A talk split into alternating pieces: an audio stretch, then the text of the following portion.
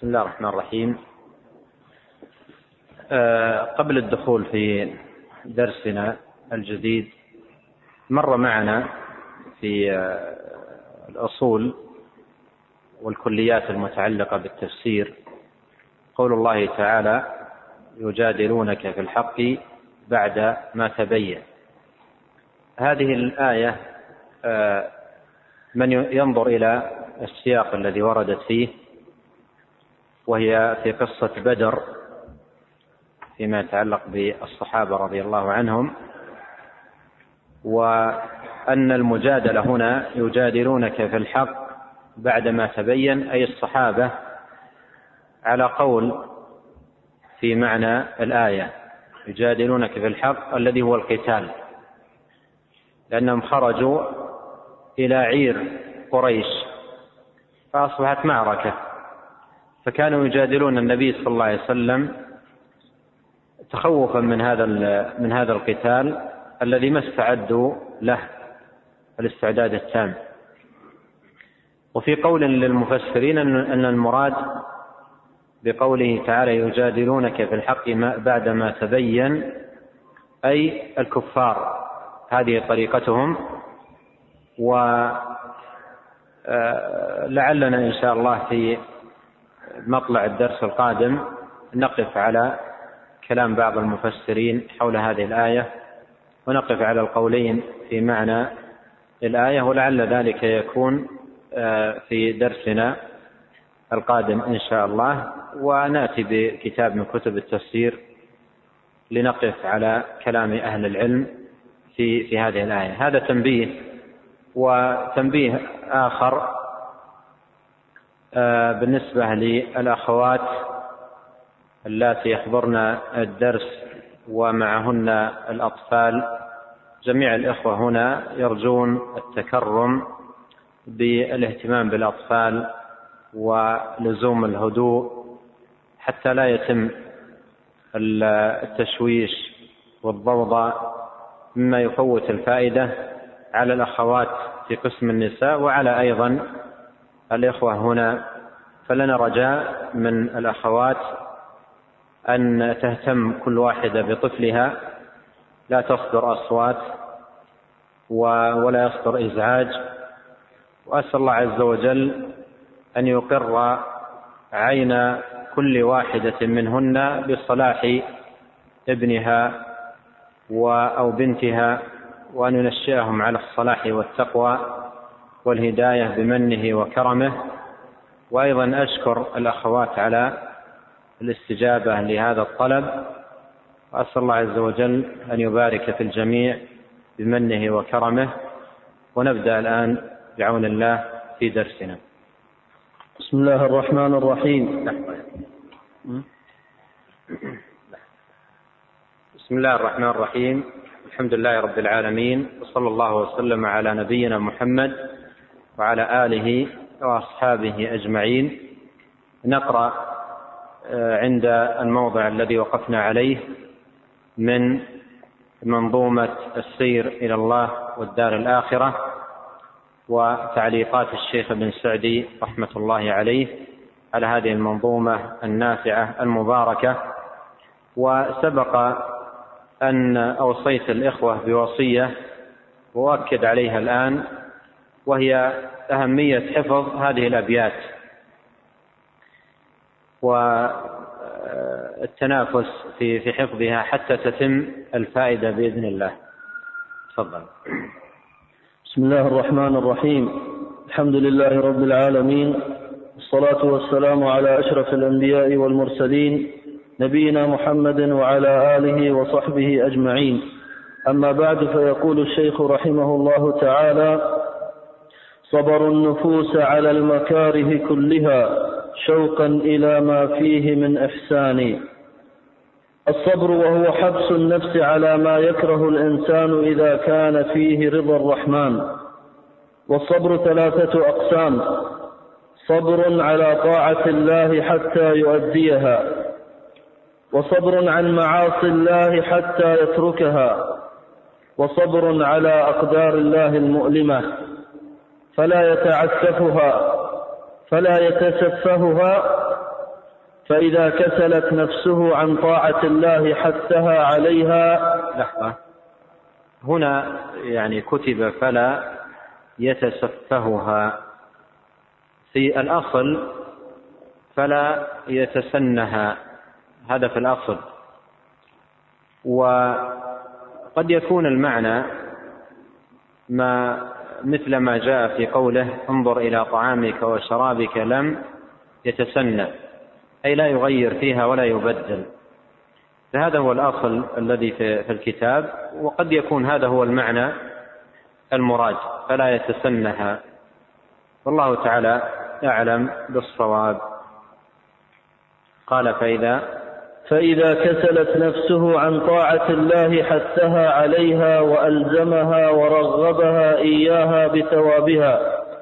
وإن اشتدت دواعي نفسه إلى معصية الله كفها عنها وحذرها وبالها وعاقبة فعالها. فالصبر محتاج إليه في كل الأمور. هذا البيت وتعليق الناظم عليه رحمه الله فيه الكلام على منزلة عظيمة من منازل السائرين إلى الله وهي منزلة الصبر.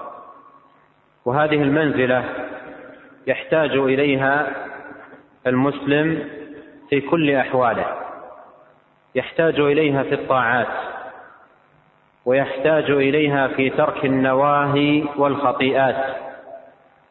ويحتاج إليها مع المصائب والمؤلمات. والصبر في اللغة الحبس والمنع. يقال قتل فلان صبرا أي حبس حتى مات.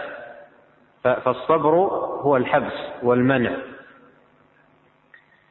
هذا معنى الصبر لغة. وفي الشرع هو حبس النفس. حبس النفس. حبسها على فعل آه، ما يرضي الله وعلى ترك آه، نواهيه وعلى عدم الاعتراض على أقداره جل وعلا. ولهذا قال العلماء الصبر ثلاثة أنواع. صبر على الطاعات وصبر عن المعاصي وصبر على أقدار الله المؤلمة. فكل واحد من هذه الثلاث يحتاج إلى صبر. الطاعة تحتاج إلى صبر. أن تحبس نفسك وتجاهد نفسك على فعل الطاعة والمواظبة عليها. والمعصية يحتاج الإنسان إلى صبر صبر عن فعلها والوقوع فيها ومجاهدة النفس على البعد عنها. والأقدار المؤلمة أيضا تحتاج إلى صبر. يصبر الإنسان لا يجزع لا يتسخط. ولهذا قال العلماء في تعريف الصبر على الأقدار المؤلمة هو حبس النفس عن الجزع واللسان عن التسخط واليد عن لطم الخدود وشق الجيوب. فهذا هو فيما يتعلق بالصبر على الأقدار. حبس النفس عن الجزع. حبس النفس عن الجزع يعني لا تجزع نفس الإنسان. فيعلم في قرارة نفسه أن ما أصابه من عند الله فيرضى ويسلم. قال الله تعالى ما أصاب من مصيبة إلا بإذن الله ومن يؤمن بالله يهدي قلبه. قال بعض السلف هو المؤمن تصيبه المصيبة فيعلم أنها من عند الله فيرضى ويسلم. وحبس اللسان عن التسخط. بعض الناس إذا أصيب في في بمصيبة ينطلق لسانه بالتسخط والتشكي والتبرم والاعتراض على الله جل وعلا. فهذا ينافي الصبر والواجب على الإنسان أن يحبس لسانه عندما تصيبه مصيبة من أن يقول ما لا يرضي الله.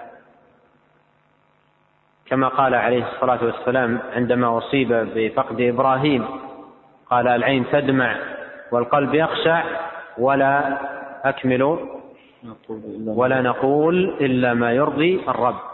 فالإنسان يحتاج عند المصيبة أن يحبس لسانه بحيث لا يقول شيئا إلا شيئا يرضي الله سبحانه وتعالى. وأيضا حبس اليد منعها من لطم الخد وشق الجيب وقطع الشعر والدعاء بدعوى الجاهلية وأهل وأهل الجهل والضلال عندما تصيبهم مصيبة أو تحل بهم رزية يبادر بعضهم ولا سيما في النساء. تبادر الواحدة إلى شق جيبها أو تمزيق شعرها أو لطم خدها. ولطم الخد متفشي في المصائب عند من غلب عليهم الجهل. حتى إن بعض النساء أول ما تبادر إليه عند بلوغ مصيبة إليها تلطم خدها. أول فعل قبل أن تفعل أي شيء إذا بلغها مصيبة تتعلق بها أو بغيرها تصفع خدها بيدها. وهذه الصفعة جاهلية.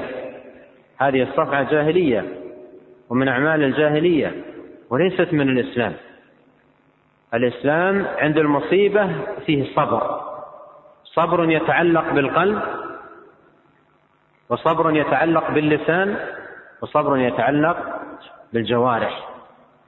فالمسلم في المصيبة صابر لسانه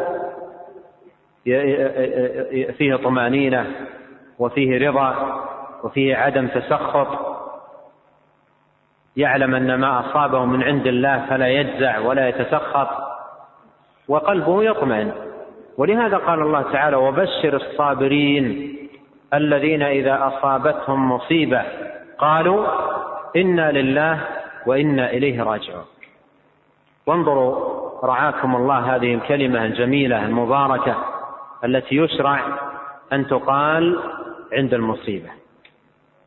وكثير منا إذا اصابته مصيبة يقول إنا لله وإنا إليه راجعون لكن ما يدري ما هي هذه الكلمة. نعم هو يعرف أنها كلمة تقال في هذا المقام لكن ما هي ما معناها ما الحكمة فيها ما يدري. ولهذا أثر هذا الذكر على قائله يكون ضعيف بينما إذا فهم المعنى وعقل المراد قوي أثر هذا الذكر عليه. وكلمة إنا لله وإنا إليه راجعون تتكون من جملتين. الجملة الأولى إنا لله. ما معنى إنا لله؟ نحن يعني يعني نحن لله. عبيد له هو خلقنا هو الذي أوجدنا من العدم. هو الذي يتصرف فينا كيف يشاء ويقضي فينا بما يريد. نحن في مملكته وتحت تدبيره. وبأمره. إنما أمره إذا أراد شيئا أن يقول له كن فيكون. لله ما أخذ وله ما أعطى. إنا لله. نحن لله.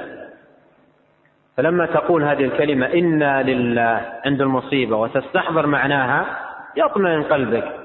لأنك أنت ومن عندك ومن فقدته كل ذلك لله. لله ما أخذ ولله ما أعطى وكل شيء عنده بقدر مسمى. فهذه الكلمة أو الجملة الأولى. الجملة الثانية وأنا إليه راجعون أي مرجعنا ومآلنا ومصيرنا إلى الله. من فقدناه من حبيب وعزيز حزنا لفقده هو مرجعه لله. ونحن أيضا سنلحقه. كما في الدعاء إلى أهل القبور أنتم السابقون ونحن إن شاء الله بكم لاحقون. فكلنا إلى الله راجع.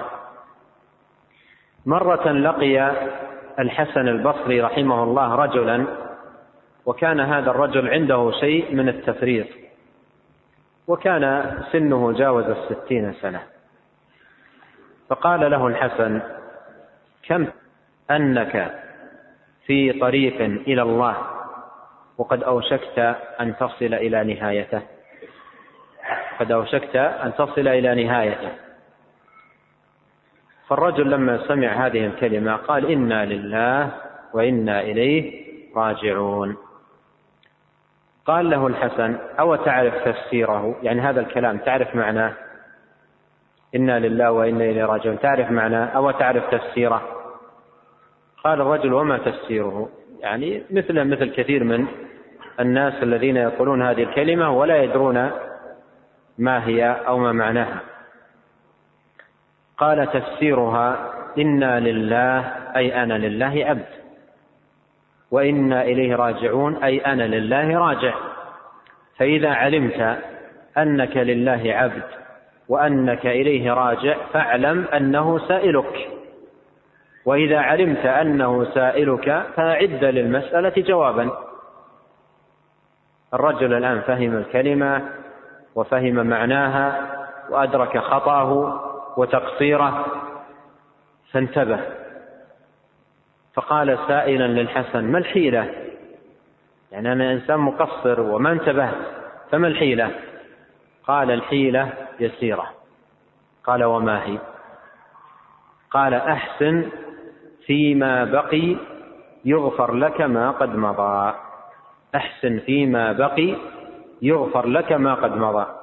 فإن أسأت فيما بقي أخذت بما بقي وبما مضى. لكن أحسن فيما بقي يغفر لك ما قد مضى. وهذه يسميها بعض السلف الغنيمة الباردة. يقولون أتدرون ما الغنيمة الباردة؟ أحسن فيما بقي يغفر لك ما قد مضى. وأنت لا تدري كم بقي من عمرك. قد يكون بقي من عمرك ساعة واحدة تحسن فيها وتتوب إلى الله جل وعلا توبة صادقة يغفر لك الله ما قد مضى. وهذا فضل الله عز وجل واسع المغفرة عظيم المن جميل الإحسان. القائل قل يا عبادي الذين أسرفوا على أنفسهم لا تقنطوا من رحمة الله إن الله يغفر الذنوب جميعا. إنه هو الغفور الرحيم. ولهذا ينبغي العبد أن يتعرض لرحمة الله وأن يطلب مغفرة الله وأن يتوب إلى الله جل وعلا. التوبة الصادقة أحسن فيما بقي يغفر لك ما قد مضى. الشاهد أن الصبر منه صبر على على الأقدار. وعرفنا معناه. وفي فضله يقول الله تعالى وبشر الصابرين الذين إذا أصابتهم مصيبة قالوا إنا لله وإنا إليه راجعون. قوله وبشر الصابرين اسمحوا لي أختبر متابعتكم متابعتكم في أصول التفسير. وبشر الصابرين مر معنا قاعدة مفيدة في هذا الباب. ما هي؟ حدث المتعلق. قال وبشر الصابرين. هل ذكر بأي شيء؟ ما ذكر.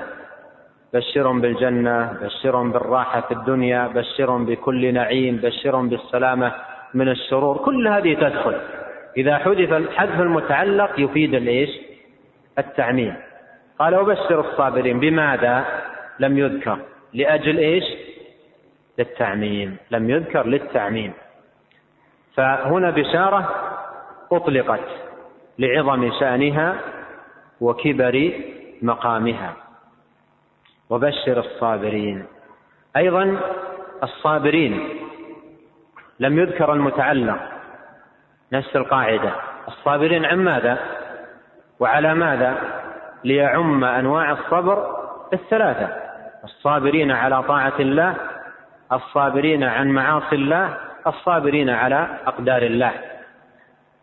ولكن بقية السياق يدلنا على ما يتعلق بالصبر على المصاب. قال وبشر الصابرين الذين إذا أصابتهم مصيبة. قالوا إنا لله وإنا إليه راجعون. أولئك عليهم صلوات من ربهم ورحمة وأولئك هم المهتدون. وعرفنا أن الصبر منه صبر على الطاعة ومنه صبر عن المعصية. الطاعة تحتاج منك إلى صبر بمعنى أن تجاهد نفسك وتلزم نفسك بالمحافظة عليها. والمعصية كذلك تحتاج إلى مجاهدة وصبر لئلا يقع الإنسان فيها. وعندما تنظر آيات القرآن الكريم وقد علمت أن الصبر أنواع فإن بعض الآيات يكون الحديث فيها عن الصبر الذي هو الصبر عن على أقدار الله وبعضها يكون متناولا للصبر بأنواعه للصبر بأنواعه. مثلا قول الله تعالى فاصبر لحكم ربك فإنك بأعيننا. هذه الآية تتناول أنواع الصبر الثلاثة الصبر على طاعة الله والصبر عن معاصي الله والصبر على أقدار الله. لأن حكم الله قال فاصبر لحكم ربك.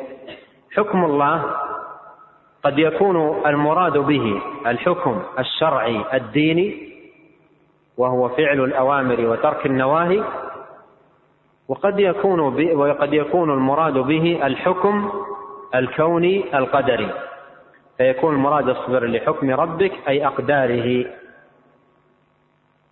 فقوله فاصبر لحكم ربك يتناول أنواع الصبر الثلاثة الصبر على طاعة الله والصبر عن معاصي الله والصبر على أقدار الله.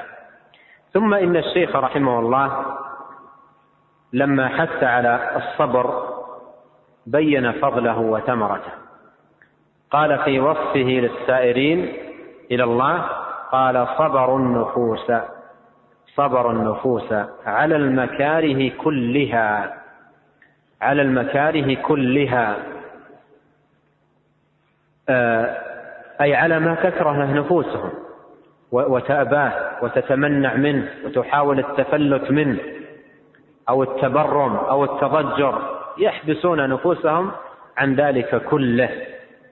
صبر النفوس على المكاره كلها. لماذا؟ شوقا إلى ما فيه من إحسان. شوقا إلى ما فيه من إحسان. هنا الشيخ رحمه الله يلفت إلى لفتة جميلة جدا في باب الصبر. ليتنا نتأملها وسيوضحها في التعليق. يقول شوقا إلى ما فيه من إحسان. ما هي اللفتة؟ يقول إذا كأنه يقول لك إذا أردت لنفسك مزيدا في الصبر وتمكنا منه فطالع آثاره عليك وثمراته على الصابرين. فهؤلاء صبر النفوس على المكاره كلها لأجل ماذا؟ شوقا. قد علموا قبل ذلك أن الصبر فيه عواقب حسنة ونهايات جميلة ومآلات طيبة. فاشتاقوا إلى هذه النتائج والثمرات. أنت وأنت في مصيبة تصيبك. تستحضر قول الله تعالى وبشر الصابرين الذين إذا أصابتهم مصيبة قالوا إنا لله وإنا إليه راجعون. أولئك عليهم صلوات من ربهم ورحمة وأولئك هم المهتدون. إذا عقلت هذا يقوى في قلبك الصبر شوقا إلى ماذا؟ شوقا إلى هذا الإحسان. أولئك عليهم صلوات من ربهم ورحمة وأولئك هم المهتدون. تريد أن تكون من هؤلاء. لكن إن ذهب عن ذهنك هذا المعنى يضعف صبرك. إذا الذي يقوي الصبر وينميه معرفة معرفة العبد بآثار الصبر وفوائد الصبر وثمار الصبر على الصابرين إذا استحضرتها وقت المصيبة إذا استحضرتها وقت المصيبة قوي الصبر عندك. ولهذا قال شوقا إلى ما فيه من إحسانه أعيد السؤال مرة ثانية ليفهم المقصود. الشوق إلى ما في الصبر الشوق إلى ما في الصبر من إحسان متى يوجد؟ الشوق إلى ما في الصبر من إحسان متى يوجد؟ إذا علمت بثمار الصبر وفوائده. فإذا علمت ولهذا العلم قبل القول والعمل. فالعلم آثاره على العبد مباركة ونتائجه على حياته حميدة. والجهل يجر يجر الإنسان إلى التواني والكسل والفتور والتقصير في العبادة. ولكننا من جهلنا قل ذكرنا كما قل منا للإله التعبد. مر معنا كلام الشيخ رحمه الله.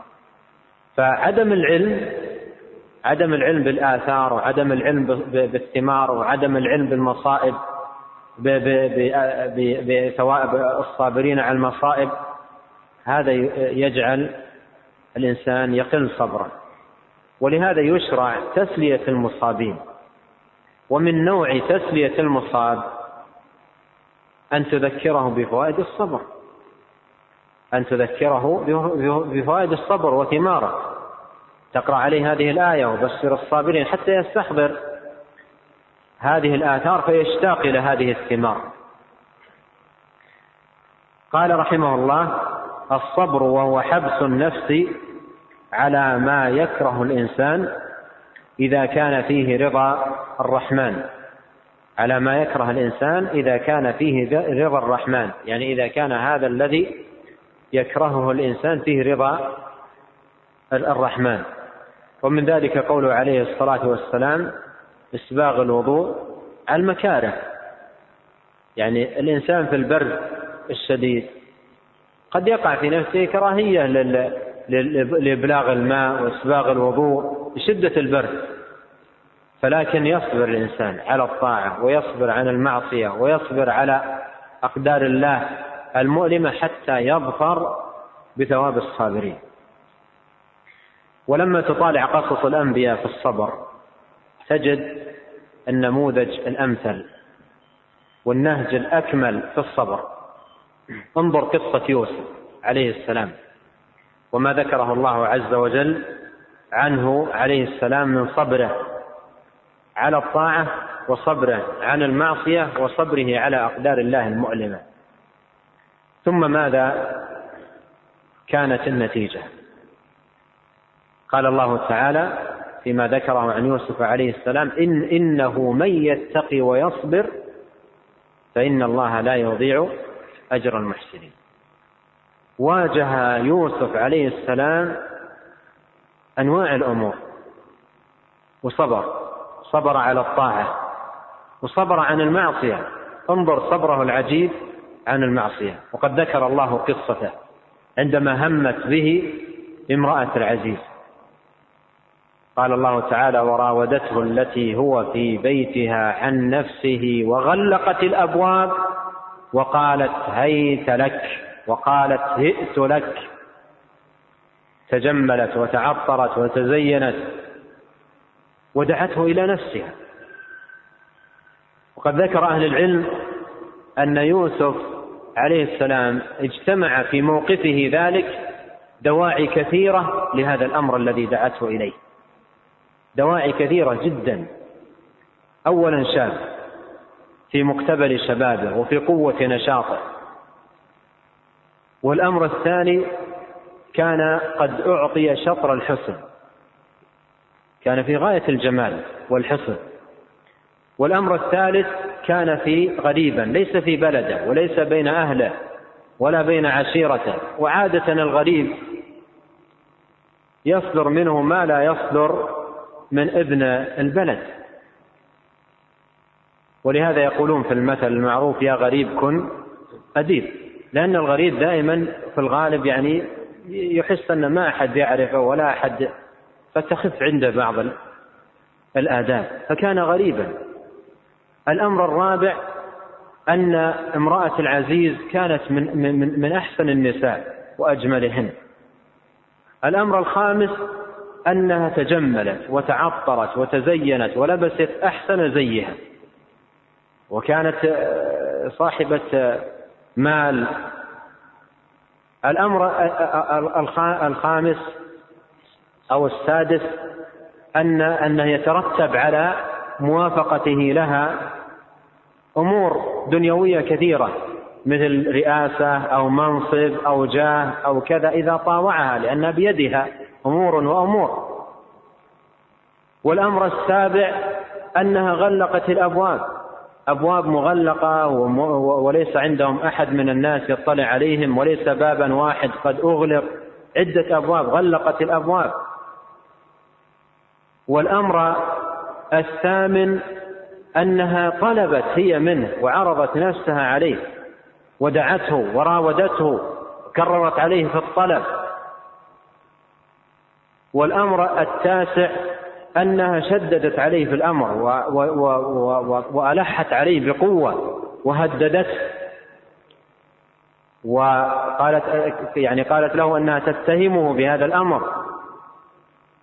كل هذه المغريات وغيرها مما لا أذكره لم يبالي بشيء منه وولى هاربا. يبحث عن الباب. فمسكت قميصه من الخلف. حتى انقطع قميصه من الخلف وهو هارب. وقدت قميصه من دبر. ولقد همت به وهم بها لولا أن رأى برهان ربه كذلك لنصرف عنه السوء والفحشاء إنه من عبادنا المخلصين. واستبق الباب. واستبق الباب. كل هذه المغريات وماذا؟ واستبق الباب. يجري قالت ما جزاء من أراد بأهلك سوءا إلا أن يسجن أو عذاب أليم. قلبت عليه الأمر. قال هي راودتني عن نفسي. وشهد شاهد من أهلها. إن كان قميصه قد من قبل فصدقت وهو من الكاذبين.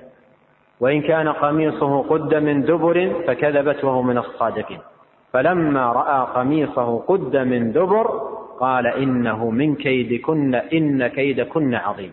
يوسف أعرض عن هذا واستغفري لذنبك إنك كنت من الخاطئين.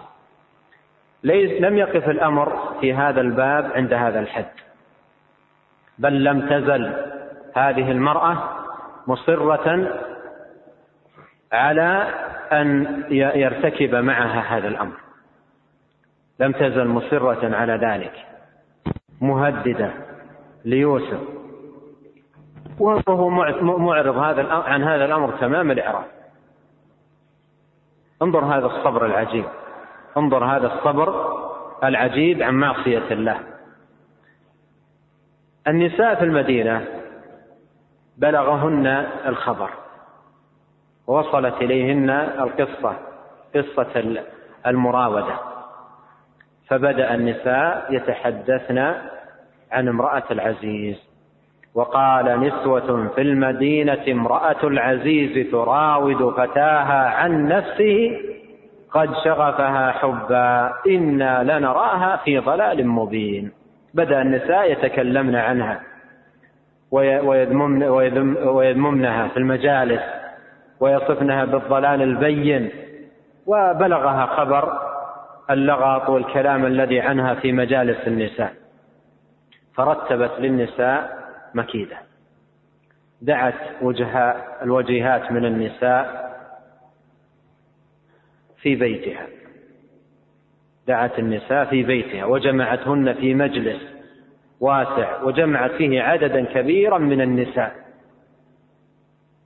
وجعلت لكل واحدة منهن متكئا حتى تكون جلستها مرتاحة. وأعطت كل واحدة منهن سكين في يدها.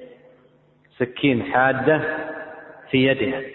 وأعطت كل واحدة منهن شيء تقطع به آه، إما خيار أو شيء من ذلك من المطعومات بحيث كل واحدة معها سكين ومعها شيء تقطع به آه، آه، ما بيدها. والسكين حادة.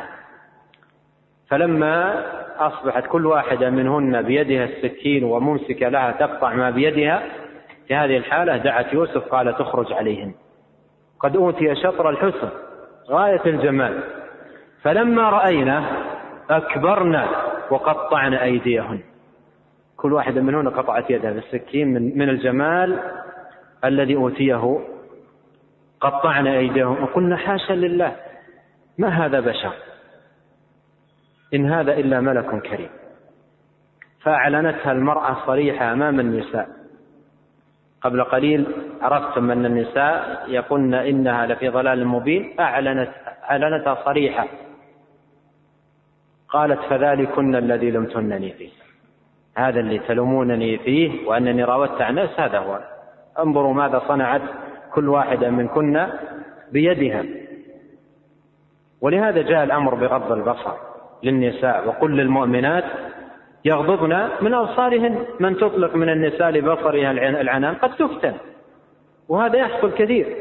وأيضا أمر الرجال بغض البصر وقل للمؤمنين يغضوا وقل للمؤمنين قل للمؤمنين يغضوا من أبصارهم ويحفظوا فروجهم. ذلك أزكى لهم.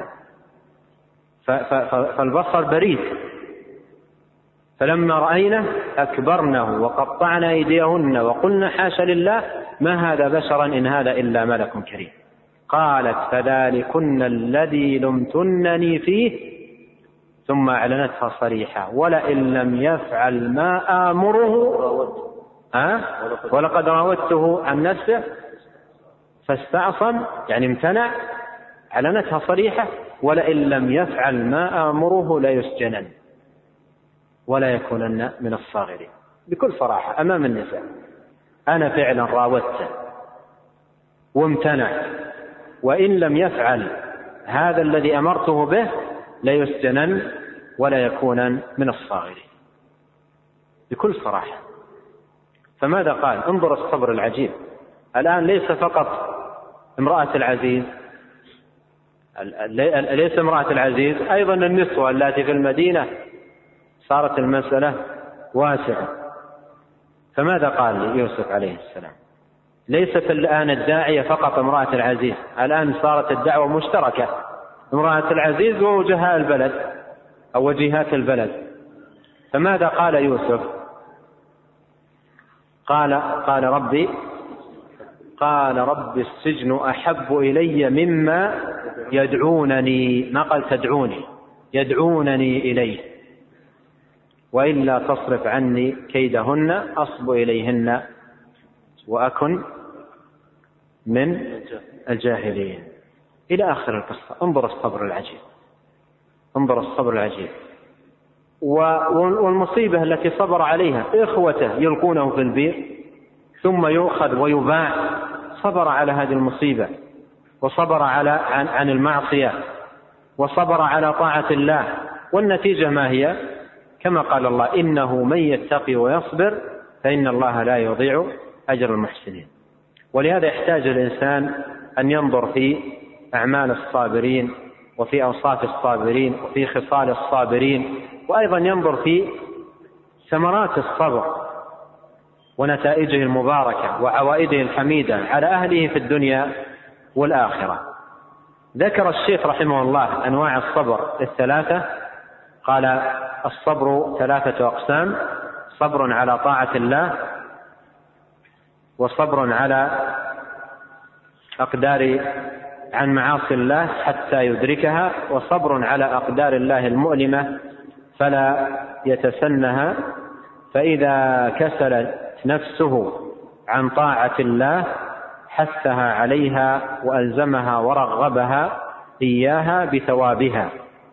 وإن اشتدت دواعي نفسه إلى معصية الله كفها عنها وحذرها وبالها وعاقبة فعالها. فالصبر محتاج إليه في كل الأمور أي في الطاعات وعن المعاصي وعلى أقدار الله. والمعين على الصبر هو الله تبارك وتعالى. فالمسلم يعود نفسه ويدرب نفسه على الصبر في كل أحواله في الطاعات وعن المعاصي وعلى أقدار الله المؤلمة. ليفوز بأجر الصابرين وبعظيم ثوابهم وجميل موعودهم عند الله جل وعلا. وأسأل الله عز وجل أن يلهمنا وإياكم الصبر على طاعته والصبر عن معصيته والصبر على أقداره وأن يهدينا جميعا سواء السبيل. والله تعالى أعلم. صلى الله وسلم على نبينا محمد وآله وأصحابه أجمعين.